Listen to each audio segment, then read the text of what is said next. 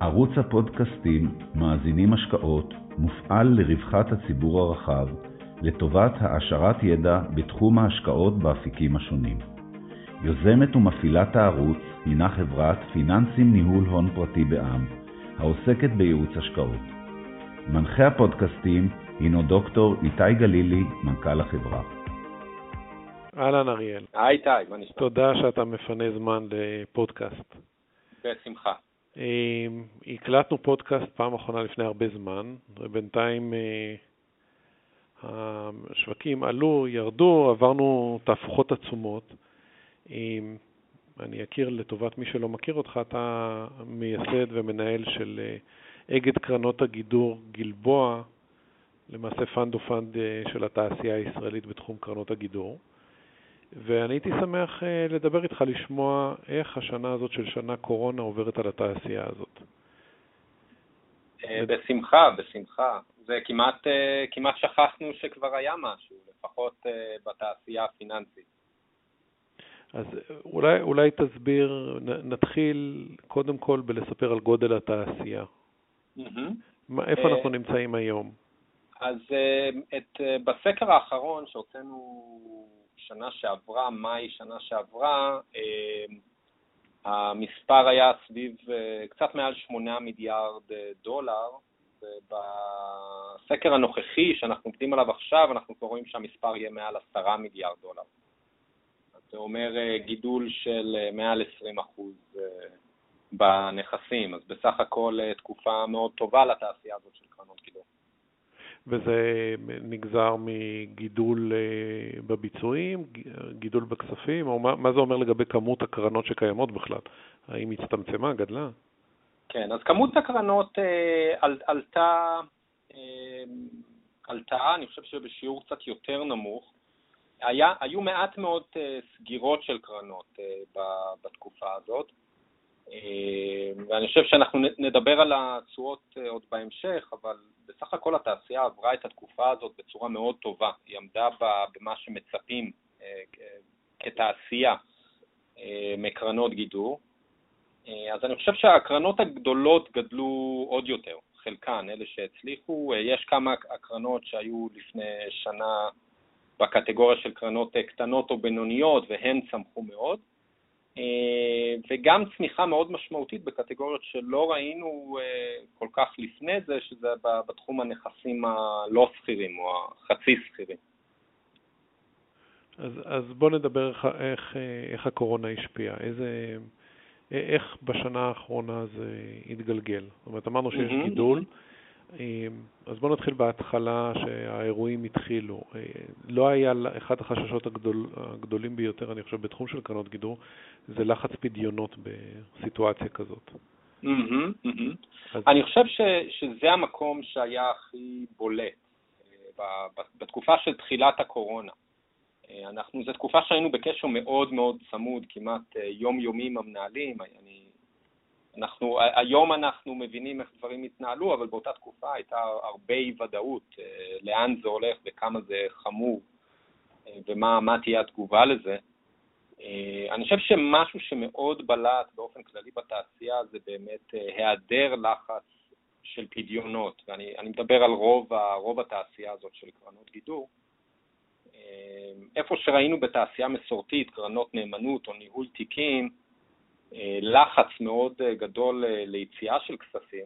אני לא זוכר את המספר המדויק, אבל זה היה בין רבע לשליש מהכסף בהרבה קרנות שפשוט... בקרנות נאמנות רגיל, רגילות, כן. כן, כן. היה ממש מין, מה שקוראים באנגלית knee-jerk reaction, תגובה של משקיעים פשוט, ברגע שהתחיל לחץ, פשוט ישר להרים טלפון ולהגיד לבנקאי, תמכור לי הכל. אה, בקרנות גידור האלמנט הזה שמשקיעים, אה, מהרגע שמבקשים לצאת, לוקח זמן, אה, באופן קצת אירוני הגן מאוד על, ה, על, ה, על המשקיעים בקרנות, כי לא, לא היה לחץ מיידי לצאת, ואז ראו שגם הקרנות מתמודדות טוב עם, ה, עם המשבר, וקצת דברים התחילו להתבהר, וכמעט לא ראינו פדיונות, כמעט בכלל לא ראינו פדיונות מקרנות גידור.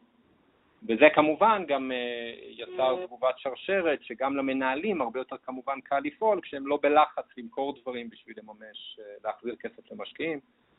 אלא יכולים להמשיך לפעול בצורה שקולה. אני חושב שמקום אחד שראינו, כן, קצת לחץ זה, זה בקרנות שפועלות בתחום לא נזיל או, או חצי נזיל, כמו לדוגמה חוב, קרנות חוב חברתי, ששם ראינו, אני חושב, קצת בא לידי ביטוי המיסמץ' בין החוסר נזילות של הנכסים לנזילות הרשומה של הקרן, והיו שם כמה קרנות שהיו על הסף של להיכנס לאיזשהו משבר נזילות בנישה הספציפית הזאת, אבל אני חושב שההתאוששות המהירה אה, הצילה אותם. אבל זה, זה מקום כן לשים לב, אני חושב, אה, כלקח, לשים לב שיש אה, את, את הקשר ההדוק שצריך להיות בין הנזילות של נכסי הבסיס לבין הנזילות של תנאי הנזילות של הקרן. אז בוא נתאר רגע למי שלא מכיר את הסיגמנטים שיש לנו בתוך הקטגוריה הזאת ש, שנקרא קרנות גידור. איזה, איך אתה מפלח את זה? Mm-hmm, mm-hmm. אז תראה, אני, אני חושב שיש... אה, אה, קודם כל זה קצת מתעתע, נכון, דיברנו כן. בעבר, אני חושב שהמילה גידור פה היא, היא קצת מתעתעת, כי היא לא מעמידה אותנו שום דבר לגבי הסיכון, אבל יותר קל להבין את זה מבחינת אה, נכסי הבסיס שבהם המנהלים, השווקים, איזה שווקים המנהלים הולכים, לאיזה קטגוריות, מה בולט בשוק הישראלי. בדיוק, בדיוק, בדיוק. כי אני חושב שלרוב המשקיעים שאת אומר להם קרן גידור, יש להם תמונה מאוד ספציפית בראש, תלוי מי המשקיע. אבל בדרך כלל התמונה שיש להם זה של אה, משהו אה, מאוד מסוכן והתשואה בהתאם גבוהה. אה, אבל זה מאוד מטעה כי יש, יש סוגים שונים של קרנות גידור, יש קרנות שהפונקציית מטרה שלהם היא, היא הפוכה, היא דווקא תנודתיות נמוכה ולאו דווקא בהכרח תשואה מאוד גבוהה. בנוסף, יש גם קרנות גידור שלא לא מתעסקות בפעילות של גידור, ומתעסקות בפעילות שהיא מאוד דומה למה שעושים בקרנות נאמנות וניהול תיקים, אבל בניגוד למה שהרבה אנשים טוענים, אני, אני עדיין חושב שזה לגיטימי אה, ובהרבה פעמים מוצדק לנהל אה, קרן גידור ב, גם בנכסים אה, ובאסטרטגיות השקעה של נכסים לא אלטרנטיביים. אם נדבר קצת על, לגבי השאלה שלך, של מה הפילוח של התעשייה, אז הקטגוריה הכי גדולה של בערך אה, חצי מהתעשייה או קצת יותר זה מה שנקרא equity long short, שזה קרנות שפשוט קונות מניות או קונות ומוכרות אה, בחסר אה, מניות, ששם המטרה היא לעשות או תשואה גבוהה, אבסולוטית, או תשואה גבוהה ביחס לסטיית תקן, מה שנקרא מדד שרף. אז זו, זו הקטגוריה הכי גדולה, הקרנות שפועלות במניות, רוב הקרנות הישראליות שפועלות במניות פועלות במניות ישראליות גם. אה, חלקן פועלות אה, במניות בחו"ל. אה, הקטגוריה השנייה הכי גדולה זה קרנות שמתעסקות בחוב, שזה בערך 20% מהתעשייה, והשאר... כשאתה מדבר על חוב, על חוב שכיר הכוונה. כן, כן, בערך 20% זה חוב שכיר, והשאר מתחלק בין קטגוריות אחרות, שהן יותר קטנות. האחת שצמחה מאוד בשנים האחרונות זה חוב לא שכיר, שזה קטגוריה בפני עצמה שהיא היום לבד כ-20% מה, מהתעשייה. אה, והשאר זה קטגוריות שאני חושב שדיברנו עליהן בשיחות הקודמות, אה, קטגוריות של גלובל מקרו או אלגו. שבתחום הזה אין, אין הרבה פעילות של קרנות גידור ישראליות. יש, אבל לא הרבה. אז עד כמה אתה רואה, אה, מעבר לצמיחה, את הביצועי יתר שיש בקטגוריות האלה למנהלים לעומת הבנצ'מרק הרלוונטי מבחינתך? כן, אז אני חושב שמהניסיון שלנו, איפה שראינו את התשואה העודפת הכי משמעותית, ראינו קודם כל תשואה עודפת בכמעט כל הקטגוריות. שאני מודה שזה זה, זה קצת מפתיע, כי זה באמת... אה, נותן case מאוד מאוד חזק אה, לקיום של, התעשייה הזאת. אה, איפה שראינו את התשואה העודפת הכי משמעותית, אבל זה בעיקר בקרנות שפועלות בנכסים ישראלים. אה, זאת אומרת, קרנות, בעיקר בתחום של קרנות equity ישראלי. אני חושב ששם ראינו את הביצועים העודפים הכי משמעותיים. אה, כמובן גם הגודל משחק תפקיד, זאת אומרת לקרנות אה, קטנות אה, יש היסטורית נטייה להפגין ביצועים יותר טובים. מה שאני מבין זה שהשוק הזה לא הולך להשקעות בחו"ל יותר מדי, אלא מתרכז ביתרון היחסי שיש בשוק המקומי. זה עיקר הדגש, בטח מבחינת ביצועי יתר. נכון, נכון, נכון. זה לא שאין, יש פעילות בחו"ל, אבל אה, זה נכון, עיקר הביצועים הם, אה, הם בשוק המקומי. אה, בתחום של חוב לא שכיר, אז חלק לא קטן ממנו מופנה החוצה דווקא לחו"ל. אבל אני, אני חושב שזה זה עוד פעם, זה, זה בערך 20% מהתעשייה. עכשיו, מה, מה נוגע לגבי תשתית העבודה של הקרנות מבחינת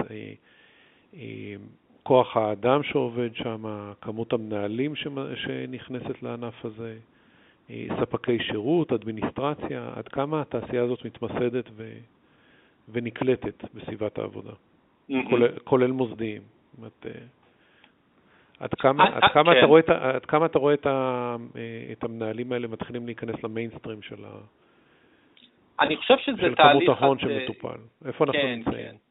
אני חושב שזה תהליך uh, הדרגתי. Uh, לא, לא ראינו איזשהו שינוי דרמטי uh, בשנה האחרונה בתחום הזה. זאת אומרת, אני חושב שהקרנות לאט לאט ממשיכות להשתכלל. אה, הגדולות אה, ממשיכות להתבסס ולהפוך להיות אה, יותר מקצועיות ולעמוד בסטנדרטים בינלאומיים של אופרציה. ובתחום של האדמיניסטרציה זה, זה גם מעניין, זאת אומרת היום יש לנו מצב בארץ בעיקר של אדמיניסטרטור אחד, אבל שגם שם הוא כבר מגיע לממדים של פעילות משמעותית בקנה מידה בינלאומי. אז אני, אני חושב שלא, אין, אין איזה שינוי, אלא יותר המשך מגמה של השנים האחרונות, כמו הקצב גידול בנכסים, אה, במקביל, אותו דבר, קצב גידול אה, בכוח אדם.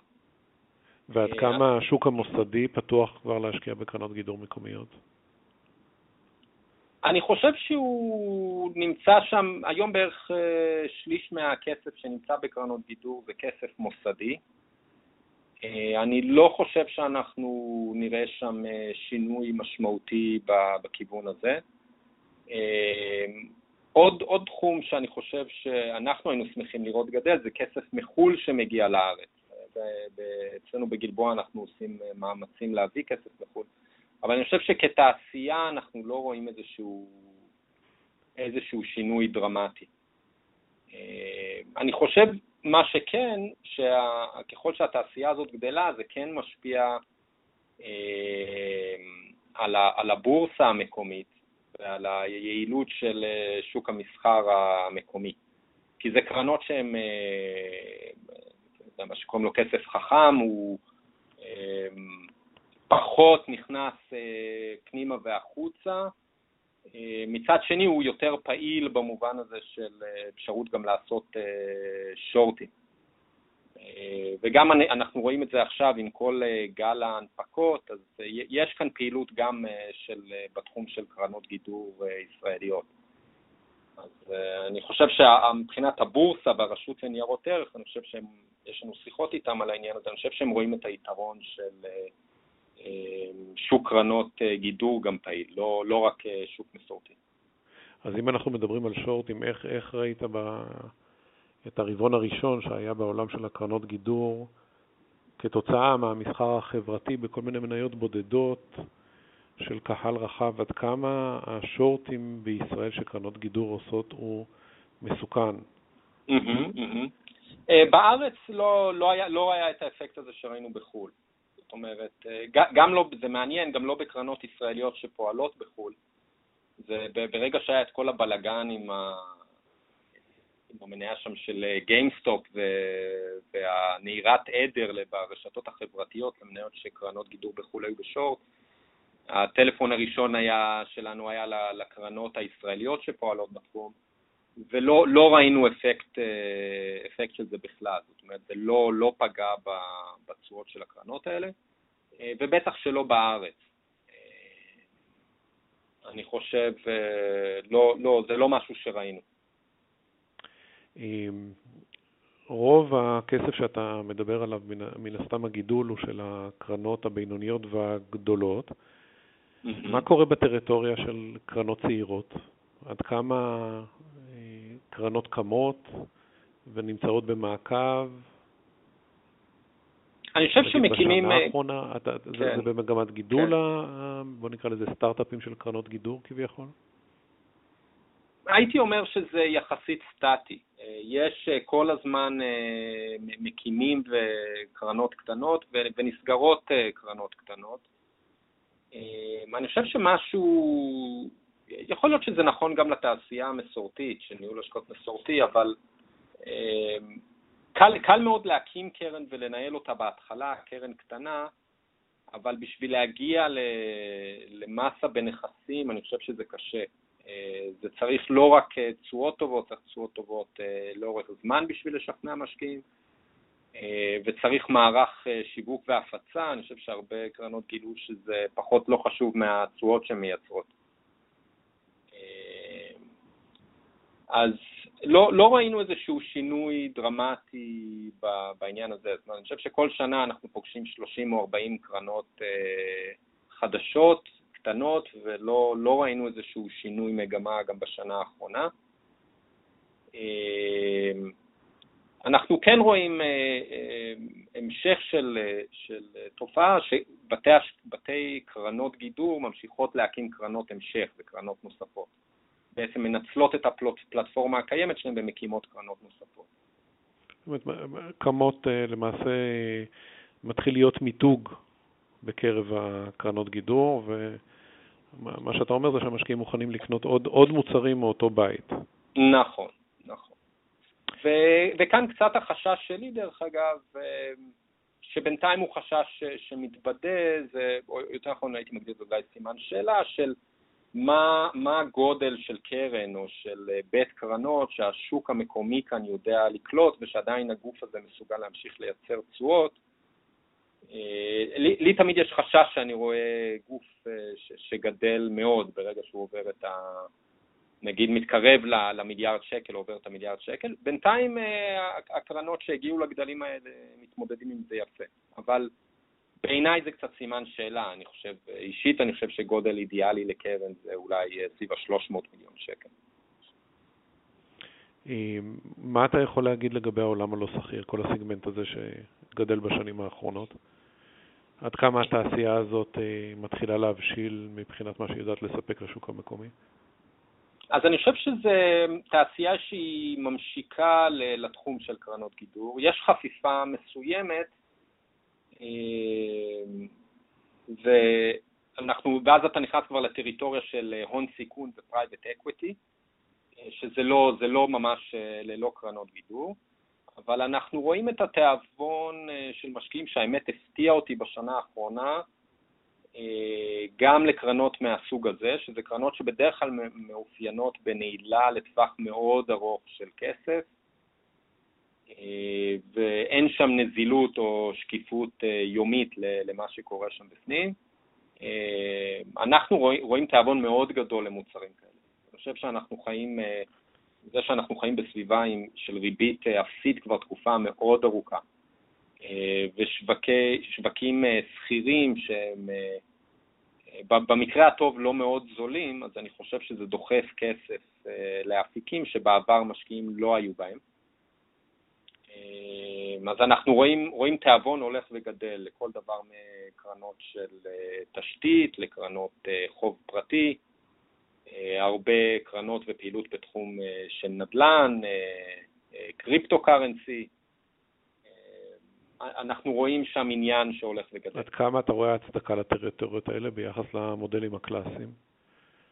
זו שאלה טובה. זאת אומרת, מבחינתך, אם אתה מנהל אגד כן. קרנות, עד כמה זה הגיוני ללכת לכיוונים האלה של private equity או מטבעות קריפטו ודברים כאלה? עד כמה... אנחנו בפעילות שלנו בגלבוע ניסינו לראות איך אפשר למזג הפעילות ובעצם לעשות אגדים בתחומים האלה, ואנחנו אה, בינתיים לא, לא הצלחנו לפצח את זה למוצר שאנחנו חושבים שהוא טוב למשקיע. הפתרון שאנחנו רואים בשוק ושאנחנו אה, גם פעילים בו זה התחום יותר של, של פידרים. זאת אומרת, בעצם מוצרים שנועדו להנגיש קרנות ספציפיות למשקיעים, ואני שמח לראות שיש לזה ביקוש. זאת אומרת, זה מוצרים שבעבר היו נגישים רק למשקיעים מוסדיים, זה מוצרים שהוכיחו את עצמם, אה, ואני חושב שיש היגיון אה, לאפשר גישה גם למשקיעים פרטיים אה, לגשת לדברים האלה. רק חשוב באמת לדעת להנגיש להם את המוצרים הנכונים, כי זה, זה דברים שזה חתונה עם מוצר למשך הרבה זמן, לפעמים לעשר שנים. אבל יש ברמת ה-asset management סיגמנטים שאתה חושב שהם פשוט מיותרים? שאין להם הצדקה כלכלית? שאין הצדקה כלכלית. אה, אתה יודע, יש לי דעה אישית על uh, מטבעות קריפטו, אבל uh, גם, גם מספיק צניעות להגיד שיכול להיות שאני לא, לא, לא מבין בזה מספיק. זאת אומרת, uh, יש הרבה אנשים שעד עכשיו הוכיחו שאני טועה בקריפטו ועשו שם הרבה כסף, אז uh, אני, אני יותר נוטה לחלק את זה לדברים שאני מבין בהם, או שאני חושב שאני מבין בהם, ולדברים שאני לא מבין בהם. אז להגיד האם, האם יש סגמנטים ש, שאני חושב שאין להם הצדקה, אה, אני, אני חושב שיש סגמנטים שהם מסוכנים יותר, כן? אה, אה, בין אם זה קריפטו, בין אם זה תחומים מסוימים בטכנולוגיה, כל הטרנד הזה שאנחנו רואים בספאקים היום, שאני אישית לא, לא מבין את הוולואציות בחלק מהדברים האלה, אבל אתה יודע, אני מכניס את זה לקטגוריה של אני לא, לא יודע פשוט. ואיך אתה מתייחס נניח ל private equity קלאסי אה, ביחס להשקעה סחירה, מנייתית, אפילו במבנה של קרן גידור? עד כמה זה מוצדק לפי דעתך? אה, אני חושב שיש הצדקה, זאת אומרת, אנחנו באמת בריבית אפסית, הכסף, יש הרבה הרבה כסף בשוק, ואנשים אה, הגיוני שילכו אולי למקומות קצת פחות יעילים, או שמקומות שאולי הריבית הנמוכה עוד לא מגולמת ב, אה, בצורה מלאה, וזה private equity זה מקום לגיטימי. אה, אני חושב שזה גם מקומות שמאוד קשה לשפוט, אני חושב שהקרנות שה... האלה יודעות גם למכור את עצמן בצורה מאוד מאוד טובה, והסיפורים מאוד משכנעים. אה, ואז כמשקיע אתה נפרד מהכסף לעשר שנים, ובסוף גם אם הוא עושה עבודה, אה, אתה יודע, בתחום של אולי קרנות גידור, אה, בעבודה בינונית של על פני עשר שנים, תשואה חד-ספרתית נמוכה, בסוף אם זה מה שאתה מקבל כמשקיע, אז אולי זה לא כזה נורא. אז אני, עוד פעם, אני חושב כאן שחשוב באמת, כמו, כמו תמיד, זה בסוף שאלה גם מי האנשים, ומה מה, מה הערך המוסף שלהם, מה היתרון היחסי שלהם, כל אחד בתחום שהוא פועל בו. אז אני, אם, אם אנחנו מגיעים לשורה התחתונה, אנחנו מבינים שהתעשייה גדלה בלא מעט כסף, המותגים הם מתחזקים, והביצועים הם ביצועים טובים. למרות הקורונה לא היה פדיונות, לא היה קרייסס, והצליחו לייצר תשואה עודפת על ההשקעות המסורתיות. מה שרציתי נכון. עוד להבין ממך, מעבר לזה, איפה נמצא, לפי הבנתך, כל העולם הרגולטורי? איך כל הדבר הזה, היו כל מיני רפורמות שדיברו עליהן, דיברו על קרנות נאמנות שמיועדות לקרנות גידור, אה, איזשהו משחק כזה רגולטורי של לנסות לכוון, את ה, להכניס את העולם של הקרנות גידור למעטפת יותר רחבה של רגולציה. זה איזשהו פינג פונג כזה, איפה אנחנו נמצאים היום? אמ, אז תראה, אני, אני יודע שהרשות אה, והבורסה אה, רוצים לעודד את התעשייה הזאת, זאת אומרת, הם אה, מבינים את, את, ה, את הערך שזה יכול להביא, ומנסות לקדם רפורמות של להכניס קרנות גידור לתוך איזה, כמו, כמו שאתה אומר, איזושהי מעטפת רגולטורית. חלק מהיוזמות האלה, כמו באמת קרנות נאמנות, ש... יהיו דומות יותר לקרנות גידור, זה ממש משהו שיכול להיות, אה, אם הם יעשו אותם כמו שצריך, זה יכול להיות מהפכני, כי זה, אה, אין הרבה דוגמאות לדברים כאלה שעובדים בצורה טוב אה, בעולם. העניין הוא שחלק מהדברים האלה דורשים חקיקה, ואנחנו כידוע בלי, בלי ממשלה מתפקדת כבר תקופה לא קצרה. אז הרבה מהדברים האלה... זה אחת מהתופעות לוואי. כן, כן, כן. אז זו, זו תופעת לוואי שכל התחום הזה קצת מחכה. אני מודה שגם לא, לא כזה נורא, כי התעשייה היא, המונח באנגלית זה self-regulating, יש לה פיקוח עצמי שבינתיים הוא עובד uh, די טוב. אה, ויש חשש מסוים בקרנות הגידור שאובר רגולציה יכולה לעשות, כמו שראינו בתחומים אחרים, הרבה פעמים אובר רגולציה לא, זה לא משהו טוב.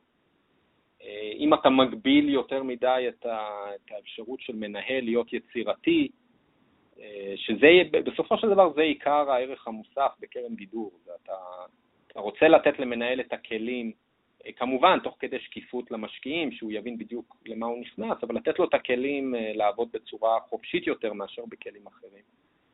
אה, אז יש חשש מסוים שעודף רגולציה לא, לא תזיק. אז בינתיים הסטטוס קוו הזה, אני חושב שהוא הוא די טוב. אני, אני מניח שעוד פעם, ככל שהתעשייה גדלה וממשיכה לצמוח, היום מעל עשרה מיליארד דולר, אה, עם הזמן תהיה, תהיה עוד רגולציה, והתעשייה גם תהיה יותר גדולה ובשלה לדעת כבר להתמודד עם זה.